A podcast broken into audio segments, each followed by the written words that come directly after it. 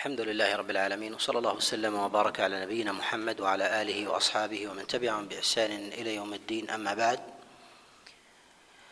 فنميل في المتبقي من المجالس مجالس العلل ما قبل الحج أن نتكلم على أحاديث الحج وذلك لمناسبة الزمان. والحاجة إلى الحاجة إلى ذلك.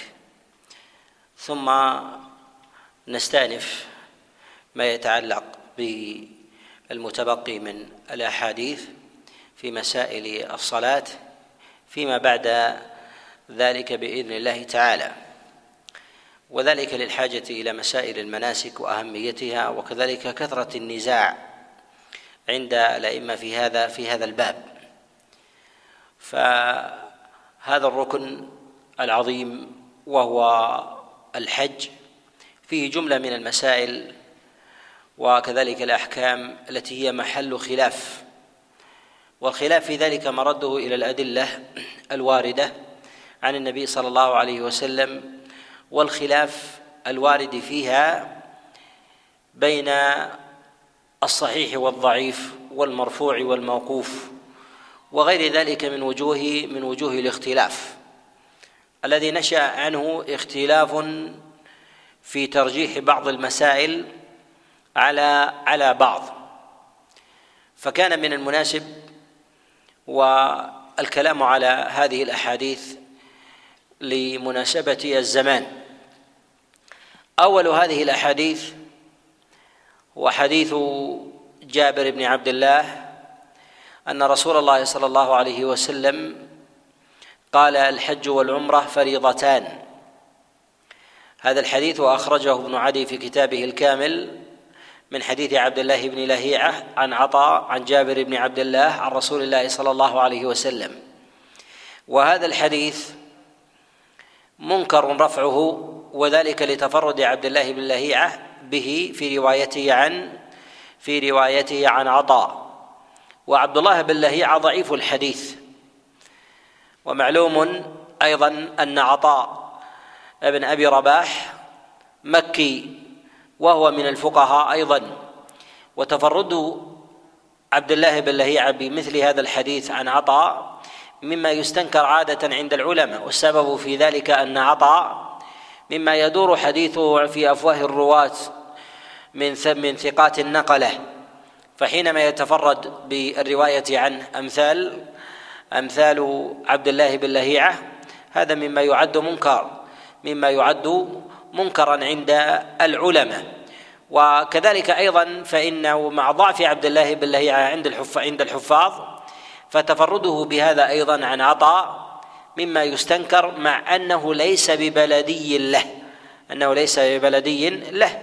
وذلك أن عطاء أن عطاء بن أبي رباح مكي وعبد الله بن لهيعة مصري.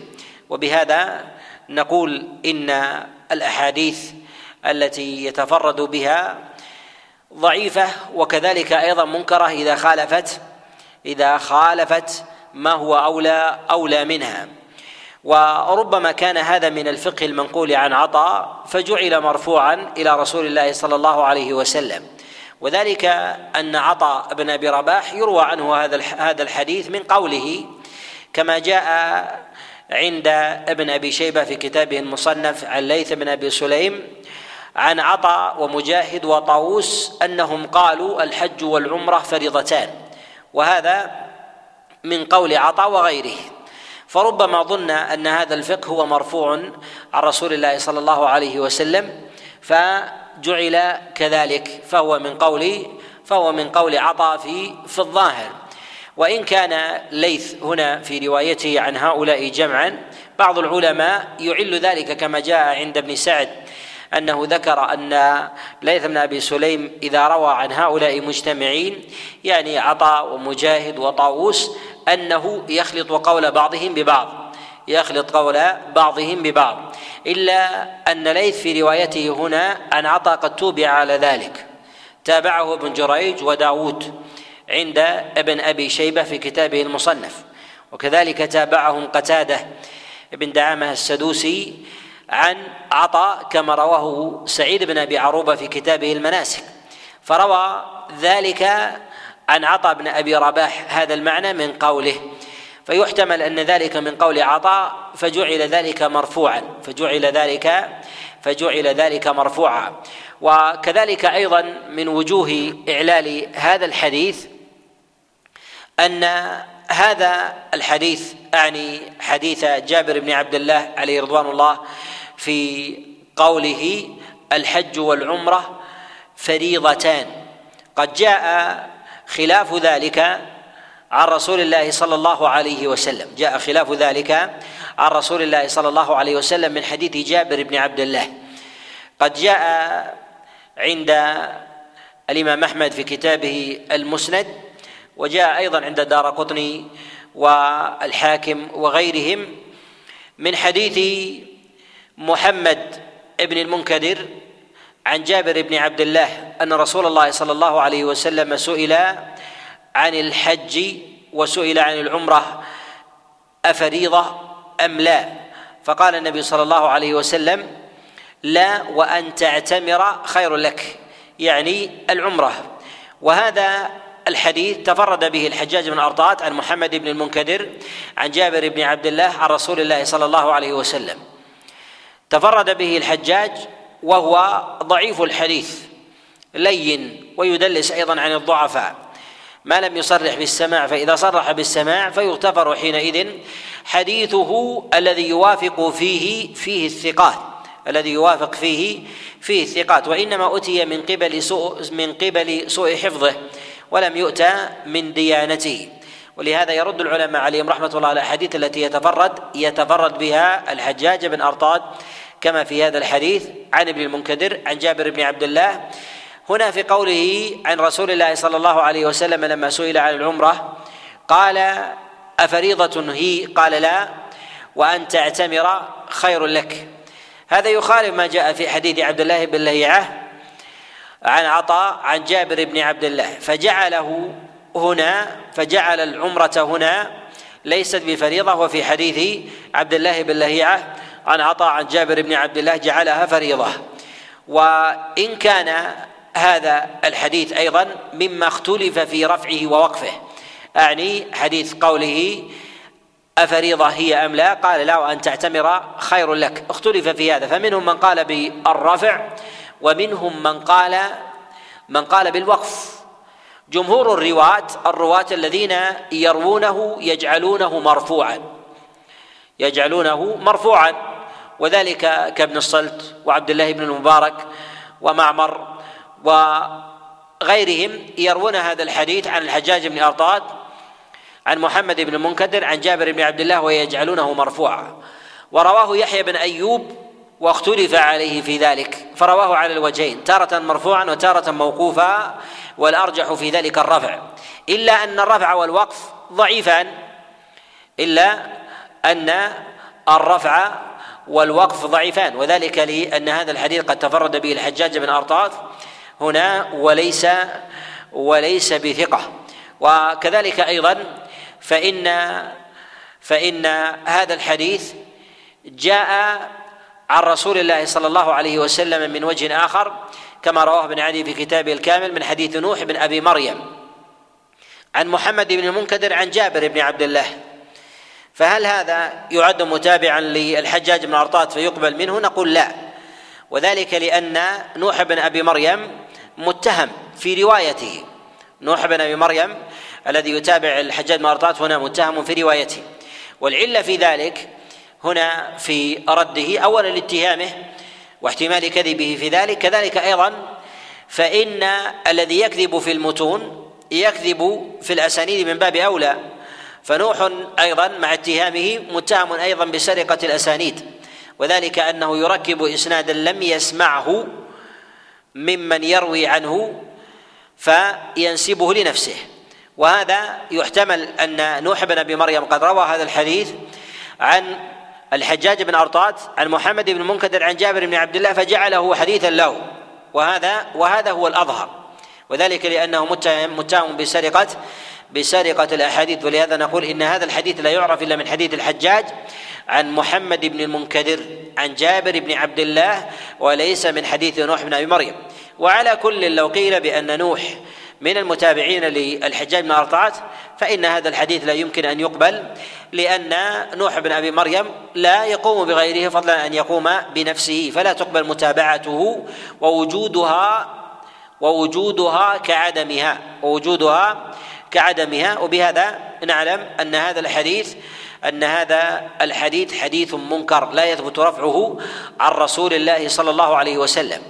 ومن وجوه الإعلال أيضا أن هذا الحديث جاء من حديث جابر بن عبد الله. جاء من حديث جابر بن عبد الله. فهنا في رواية الحجاج بن أرطاط عن محمد بن المنكدر عن جابر بن عبد الله أن النبي صلى الله عليه وسلم سئل عن العمرة أواجب وفريضة هي؟ فقال لا وأن تعتمر خير لك. هنا جعل العمرة نافلة وما جعلها فريضة. جابر بن عبد الله الذي يروي هذا الحديث قد جاء عنه بإسناد صحيح أن العمرة فريضة. جاء عنه أن العمرة فريضة. والراوي إذا حدث بحديث الراوي إذا حدث بحديث فلا بد أن يقول به خاصة من الأجلة على الديانة والورع وأضرابهم من الصحابة عليهم رضوان الله وعلية الرواة من التابعين ومن جاء بعدهم فإنه إذا جاء الحديث مرفوعا عن رسول الله صلى الله عليه وسلم في الأولى أن يقول به راويه الأولى أن يقول به راويه. فإذا كان راويه يروي الحديث ثم يفتي بخلافه فإما المطعن في ذلك في ذات الحديث أو في ديانة الراوي أو في ديانة الراوي. ولهذا نجد العلماء يجعلون الحديث المرفوع إذا خالفه راويه بفتوى وفي عمله أمارة على ضعف المرفوع. أمارة على ضعف المرفوع. وقد جاء عن جابر بن عبد الله أنه قال في العمرة إنها فريضة. أنه قال في العمرة إنها فريضة. جاء ذلك عنه من حديث محمد بن مسلم أبي الزبير عن جابر بن عبد الله أنه قال الحج والعمرة فريضتان. وهذا من قول جابر بن عبد الله وهذا من قول جابر بن عبد الله عليه رضوان الله. وإسناده عنه موقوفا صحيح إسناده عنه موقوفا موقوفا صحيح. وبهذا نعلم أن الحديث من حديث جابر في عدم فرضية العمرة أنه أشد نكارة من المرفوع في في فرضيتها لأنه في فرضيتها يوافق الموقوف. وأما في عدم فرضيتها فإنه يخالف يخالف الموقوف. وعلى كل فكلا هذه فكلا الحديثين ضعيفة سواء الذي يقول بالفرض أو الذي يقول بأنها بأنها نفل أعني العمرة وذلك لعدم ثبوت ذلك عن رسول الله صلى الله عليه وسلم. لعدم ثبوت ذلك عن النبي صلى الله عليه وسلم. والحديث الثاني هو حديث زيد بن ثابت. حديث زيد بن ثابت أن النبي صلى الله عليه وسلم قال في الحج والعمرة فريضتان لا يضرك بأيهما بدأت. هذا الحديث رواه ابن ماجه في كتابه السنن وغيره من حديث محمد بن كثير عن إسماعيل بن مسلم عن محمد بن سيرين عن زيد بن ثابت عن رسول الله صلى الله عليه وسلم. وهذا الحديث حديث منكر أيضا. ونكارته في ذلك من وجوه متعددة. من هذه الوجوه أن هذا الحديث تفرد به محمد بن كثير وقد تكلم فيه غير واحد ولينه في حديثه جماعة من العلماء كالامام أحمد رحمه الله والدار قطني وغيرهما. فتفرده بهذا الحديث فتفرده بهذا الحديث كاف في في إنكاره. كذلك أيضا فإن هذا الحديث يرويه محمد بن سيرين عن زيد بن ثابت. ومحمد بن سيرين إنما لقي زيد بن ثابت مبكرا لقيه صغيرا لقيه صغيرا وما سمع منه منه كبيرا. ورواية الصغير عن الشيخ الكبير هذا يشترط فيها من الاشتهار والقوة مما ثقل من المعاني ما لا يشترط في غيرها. والسبب في هذا أن الراوي إذا كان صغيرا فيسمع الحديث مبكرا في عمره مما يدل على أن شيخه الذي حدثه بذلك حدث غيره فتفرده بذلك فتفرده بذلك أمارة على النكارة. كذلك أيضا فإن هذا الراوي إذا حدث إذا حدث عن شيخ سمع منه مبكرا ينبغي أن يشتهر الحديث لأنه من أول حديثه. فإذا كان من أول حديثه فهذا يروي عنه الرواة في عقود طويلة.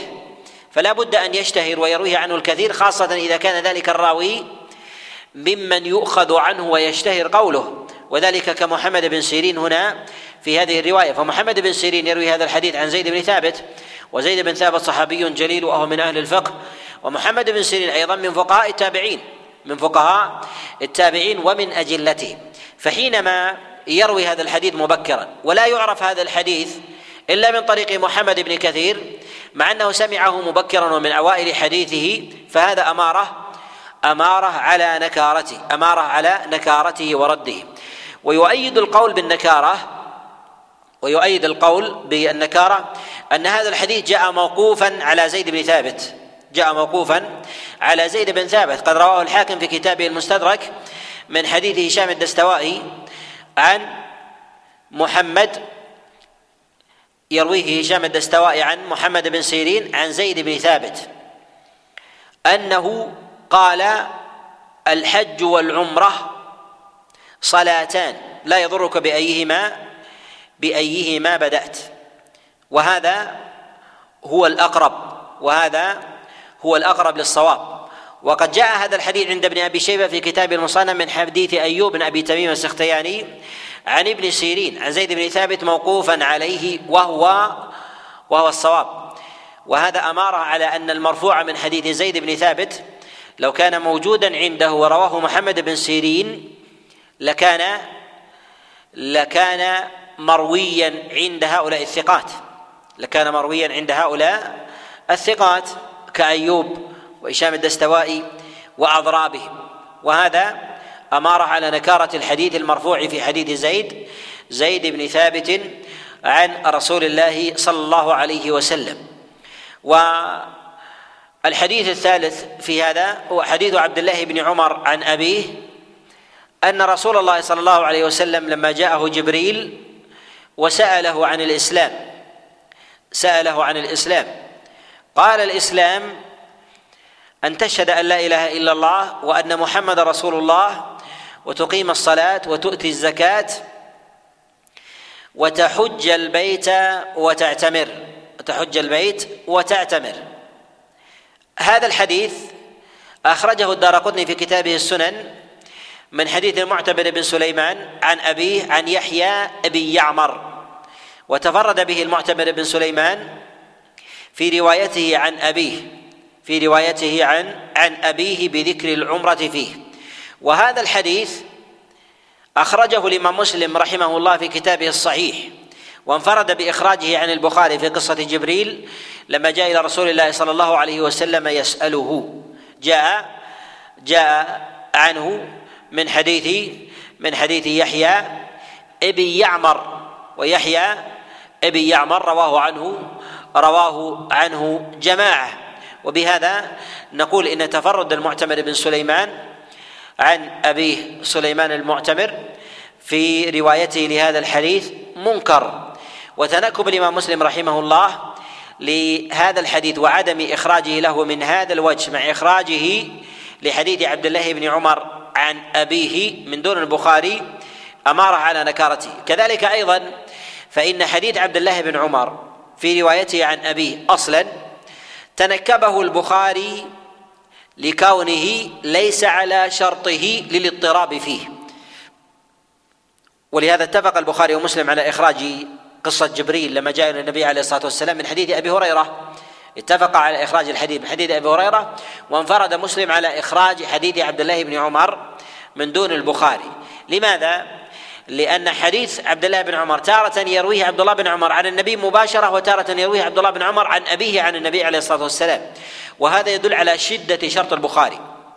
شدة شرط البخاري. ولما كان كان حديث أبي هريرة الذي يرويه في قصة جبريل من طريق ووجه واحد وصحابي واحد.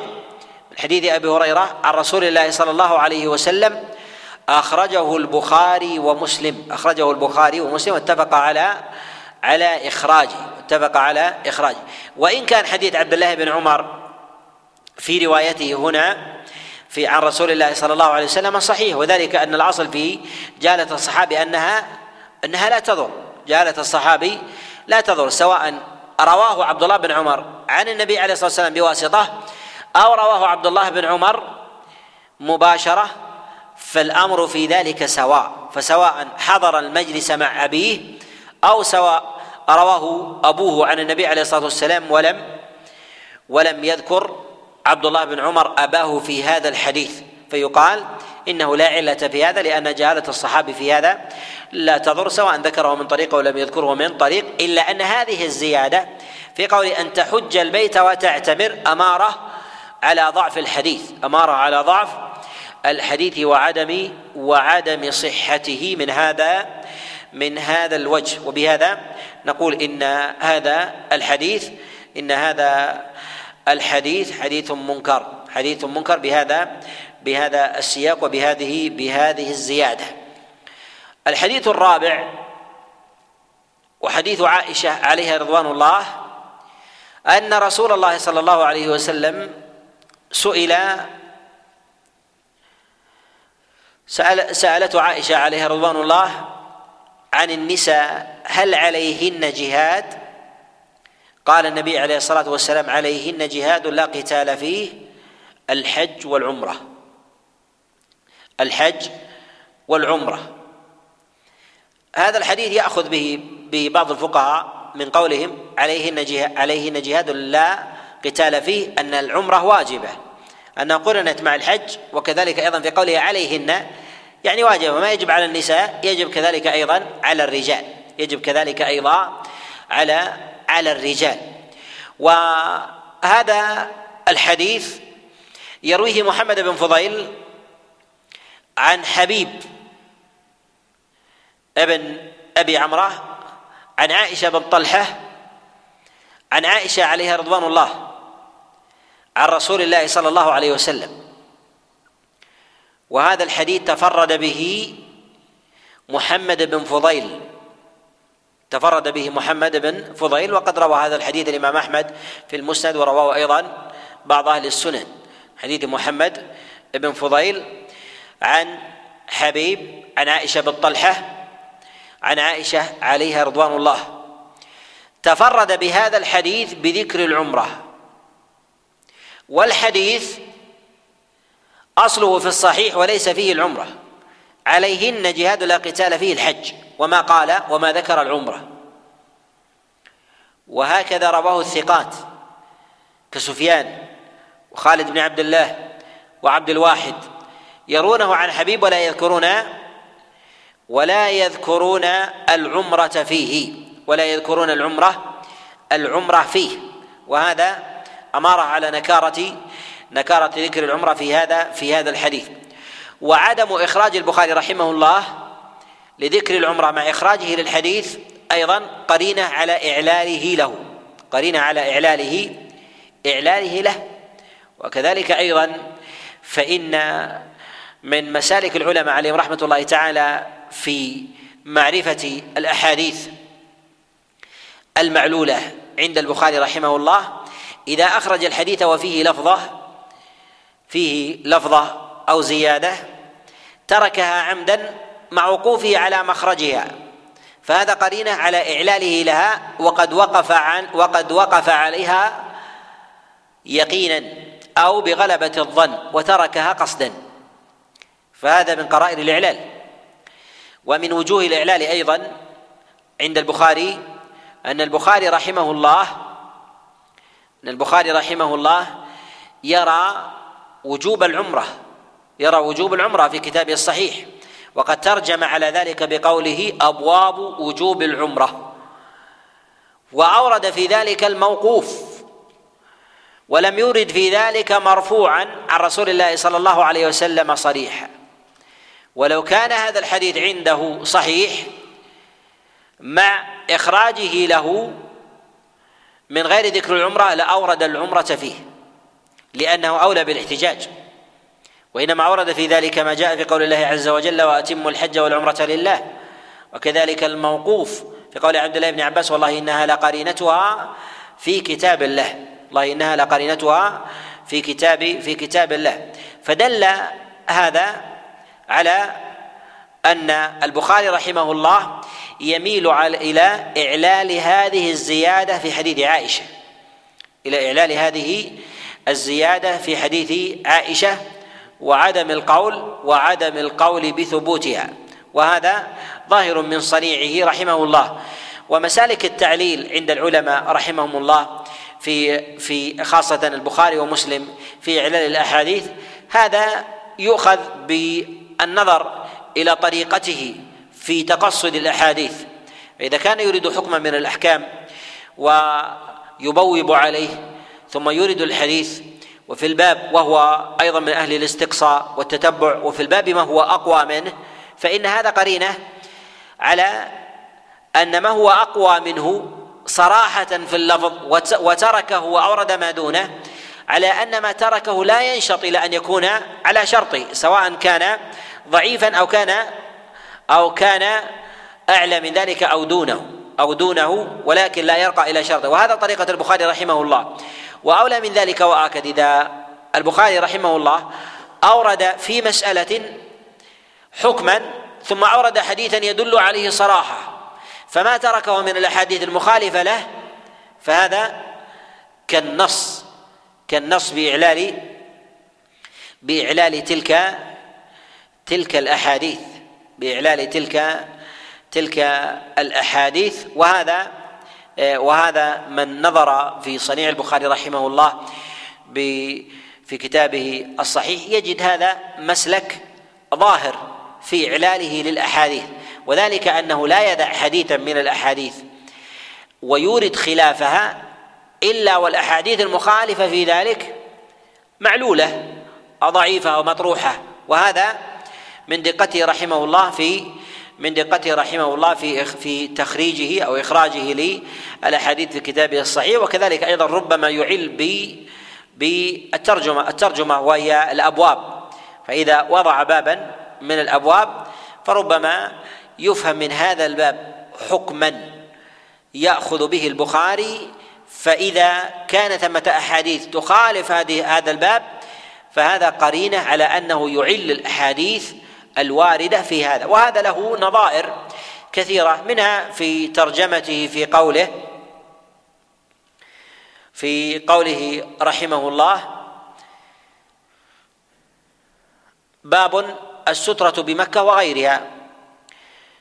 يعل الأحاديث التي جاءت في هذا الباب في أن السترة في مكة يخفف فيها كما جاء في حديث المطلب بن أبي وداعة عن أبيه. وهذا وهذا يرده البخاري رحمه الله. فالسترة في أحكامها في مكة كالسترة في غيرها من جهة أصل النص. التخفيف التخفيف للمشقة هذا حكم مستقل. يؤخذ بالأصل العام لا بالدليل الخاص. يؤخذ بالأصل العام لا بالدليل لا بالدليل الخاص. وهذا له له نظائر ومسالك عند البخاري رحمه الله في إعلاله للأحاديث. الحديث الخامس في هذا أن ما يرويه أبو بكر بن عمرو بن حزم عن أبيه عن جده عن رسول الله صلى الله عليه وسلم أن العمرة فريضة. وهذا الحديث أخرجه الدار قطني في كتابه السنن والبيهقي وغيرهم من حديث سليمان بن داود عن ابن شهاب الزهري عن أبي بكر بن عمرو بن حزم عن أبيه في كتابه الطويل في الكتاب الطويل.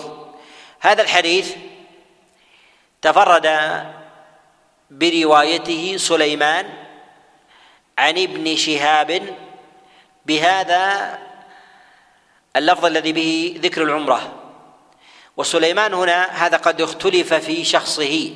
فقيل إنه سليمان بن داود وقيل سليمان بن الأرقم. ويميل جماعة من العلماء إلى أنه سليمان بن الأرقم كما يميل إلى هذا أبو زرعه الدمشقي وغيره. وهذا هو الأظهر. وسليمان بن الأرقم منكر الحديث. يتكلم فيه العلماء وقد تفرد بهذا الحديث عن ابن شهاب. ومثل هذا الحديث بتمامه وطوله بتمامه وطوله لا يرويه راو إلا لا يرويه راو إلا وهو ضابط له. وذلك لأن كتاب النبي عليه الصلاة والسلام الذي يرويه عمرو بن حزم كتاب طويل. إما أن يرويه حافظ أو ضابط لكتابه صح نقله صح نقله. وسليمان بن الأرقم يرويه عن ابن شهاب الزهري ولا يعرف لا بضبط صدر ولا بضبط كتاب. وابن شهاب الزهري إمام حافظ.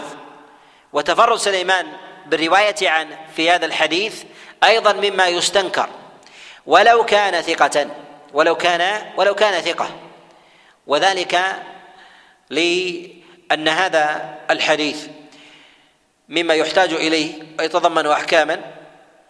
وتفرد سليمان عن ابن شهاب وهو إمام أهل المدينة في الفقه والرواية.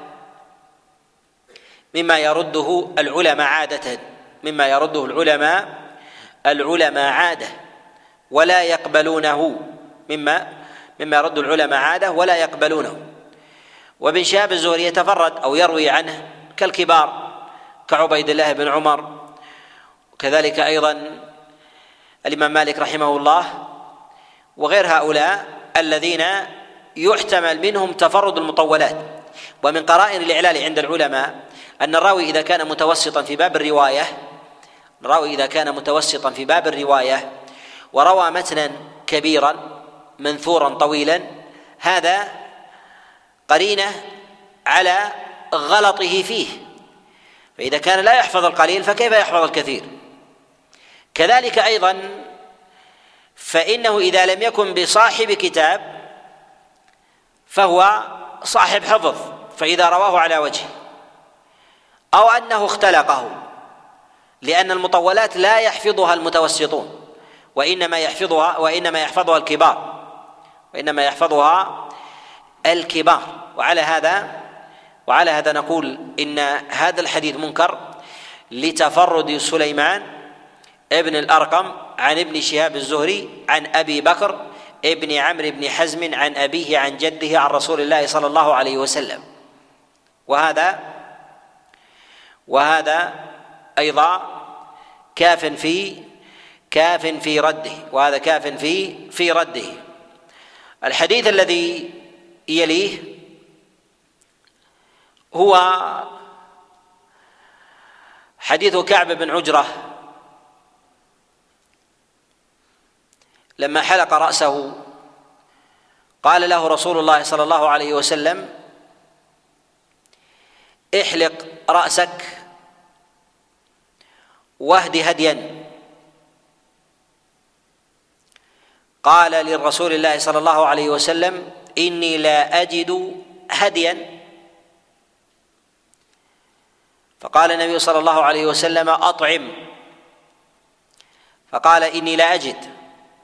هذا الحديث ظاهره الترتيب لا التخيير ظاهره الترتيب لا التخيير أخرجه الطبراني في كتابه المعجم وكذلك ابن عبد البر في كتابه التمهيد من حديث إبراهيم بن طهمان.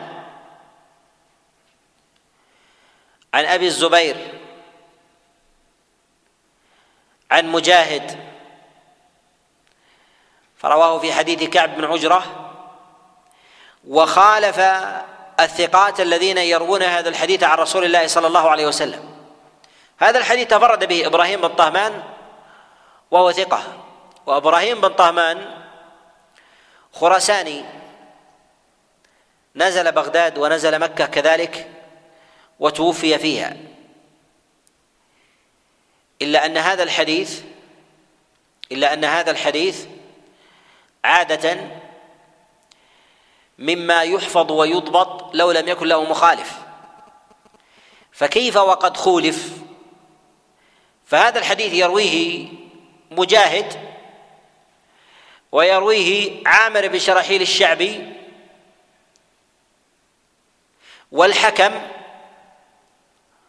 كلهم يرون هذا الحديث ولا يذكرون فيه الترتيب وإنما يذكرونه على التخيير. يذكرونه على على التخيير. مما يدل على أن تفرد إبراهيم بن طهمان في هذا الحديث منكر.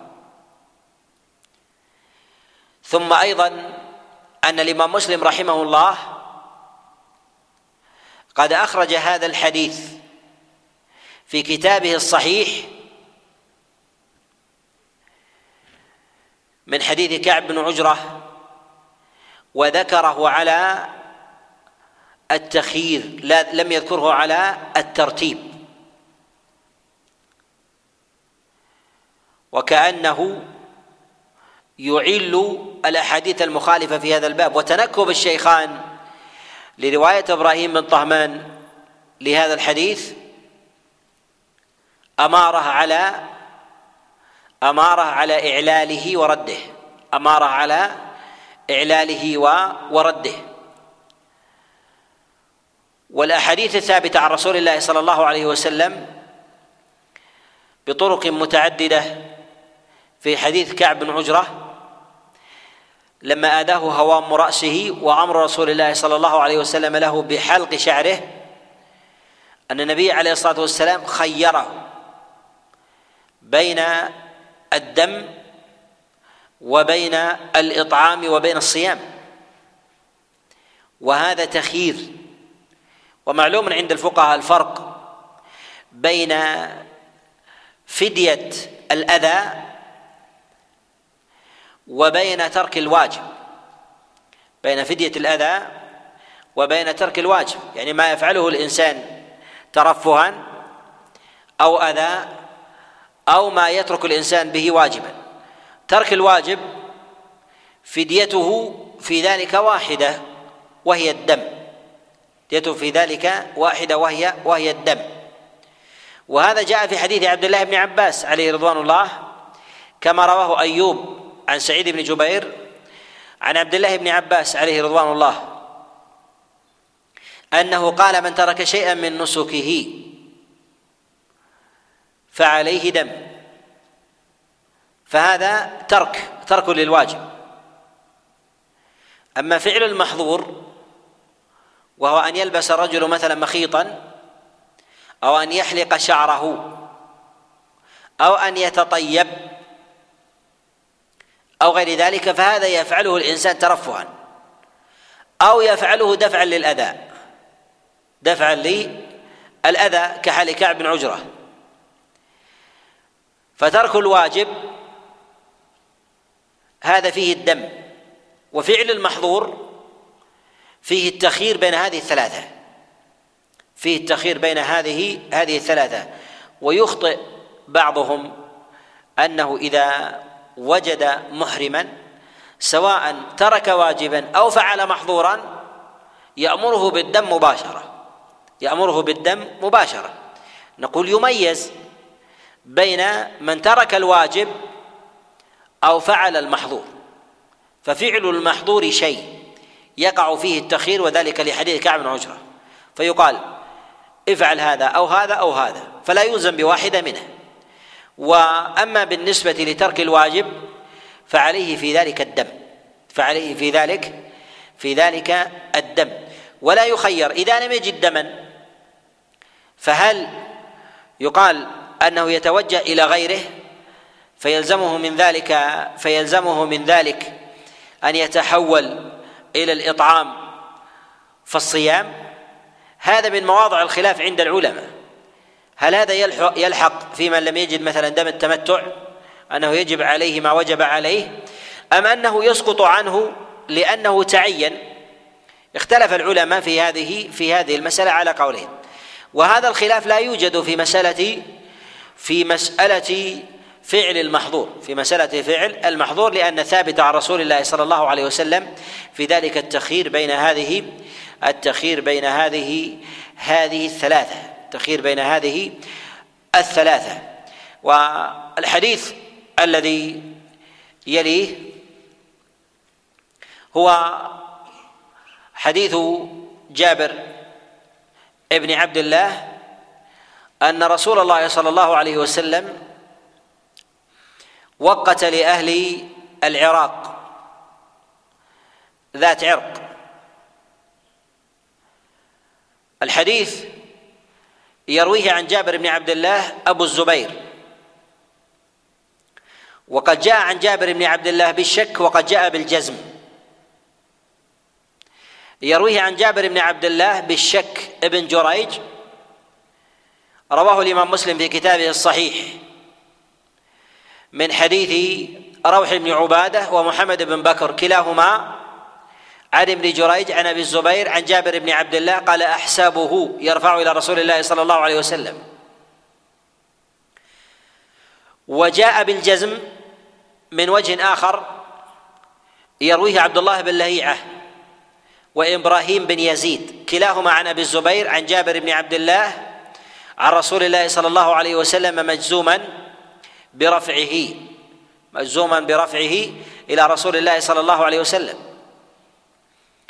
وهذا الحديث وهذا الحديث رفعه منكر وهذا الحديث رفعه رفعه منكر.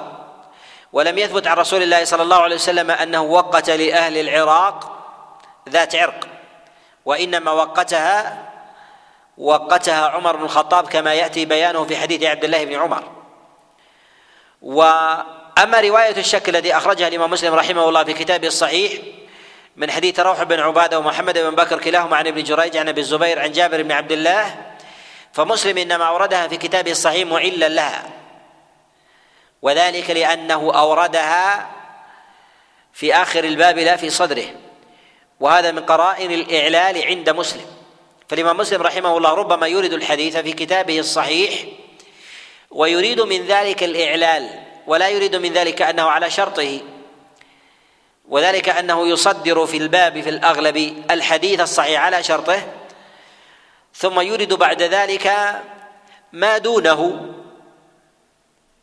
إما أن يكون ما دونه مساويا له في الاحتجاج فيكون دونه مرتبة في التنظيم أو يكون دونه ولو كان صحيحا أو يكون دونه ولكنه ليس بصحيح وهو معلول كما في حديث جابر بن عبد الله هذا في توقيت ذات عرق. وعلى هذا نقول إن حديث جابر بن عبد الله الذي أخرجه الإمام مسلم رحمه الله في كتابه الصحيح ليس تصحيحا له ولا احتجاجا به. وما وربما يعارض بعضهم في ذلك. نقول لا باب للمعارضة وقد نص مسلم بنفسه على اعلال الحديث في كتابه التمييز. فلما ذكر الأحاديث وهذا الحديث في كتابه التمييز قال لا يثبت في هذا شيء عن رسول الله صلى الله عليه وسلم أنه وقت لأهل العراق ذات عرق مع أنه أخرجه في كتابه الصحيح. وهذا نص صحيح صريح الإمام مسلم رحمه الله على أنه يسلك مسلك التعليل في كتابه في كتابه الصحيح. وأما الطرق الأخرى التي في ظاهرها الجزم فذلك تفرد به عبد الله بن لهيعه وإبراهيم بن يزيد.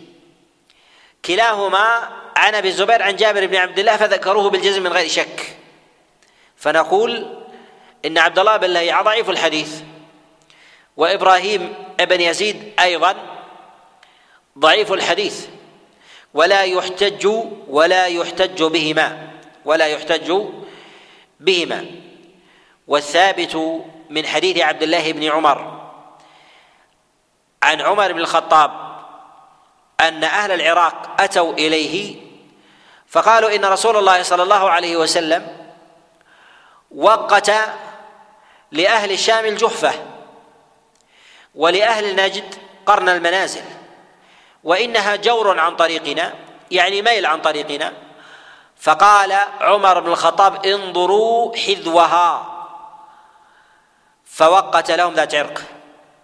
فكانت محاذية لها فكانت محاذية لها وهذا ما اعتمده البخاري رحمه الله في كتابه الصحيح. فأورده فأورده في كتابه الصحيح على على هذا. وهذا الذي مال إليه الأئمة عليهم رحمة الله البخاري وذلك بإخراجه للموقوف وترك المرفوعات في هذا. كذلك أيضا مال إليه الإمام مسلم رحمه الله بإراده حديث جابر بالشك والنص في كتابه التمييز بإعلاله بإعلاله وعدم تصحيحه له عدم تصحيحه له. ومال إلى هذا الشافعي رحمه الله. فيقول الصواب في هذا قول طاووس يعني أن الذي وقت ذات عرق هو هو عمر بن الخطاب وليس رسول الله صلى الله عليه وسلم وليس رسول الله صلى الله عليه وسلم. كذلك أيضا هذا الذي يميل إليه الإمام أحمد وأبو داود وغيرهم. جاء في حديث عبد الله بن عباس من حديث عطاء عن عبد الله بن عباس أن رسول الله صلى الله عليه وسلم وقت لأهل العراق ذات عرق. وهذا الحديث منكر الصواب فيه الإرسال. يرويه عطاء عن رسول الله صلى الله عليه وسلم مرسلا أخرجه الشافعي والبيهقي وصوب البيهقي الإرسال. وجاء أيضا عن قتادة مرسلا عن رسول الله صلى الله عليه وسلم. وهو أيضا وهو أيضا منكر. وجاء أيضا من حديث أنس بن مالك والحديث في ذلك أيضا منكر. ومن قرائن الإعلال قرائن الإعلال أن الرواة من الآفاقيين يرفعون أفعال الخلفاء وفتاواهم يرفعونها إلى رسول الله صلى الله عليه وسلم. وذلك أنهم يعتقدون أن ما يعمله الخلفاء إنما أصله مرفوع خاصة ما يغلب على الظن أنه توقيفي من أمور العبادات كالحج. ولهذا رفعوا ذلك إلى رسول الله صلى الله عليه وسلم. رفعوا ذلك إلى رسول الله صلى الله عليه وسلم والصواب في هذا أنه من فعل عمر بن الخطاب وذلك أن العراق لم يكن في زمن النبي عليه الصلاة والسلام. لم يكن ثمة عراق زمن رسول الله صلى الله عليه وسلم ولم يتوطنها أيضا أهل الإسلام وإنما لما آه، مصرت الأمصار فيها وظهر فيها الإسلام وضع عمر بن الخطاب في ذلك ميقاتا لهم لما كانت المواقيت الجحفة وقرن المنازل والسيل جور عن طريقهم وقت لهم ذات عرق حتى يكون ذلك أيسر لهم. نكتفي بهذا القدر وبالله الإعانة والتسديد وصلى الله وسلم وبارك على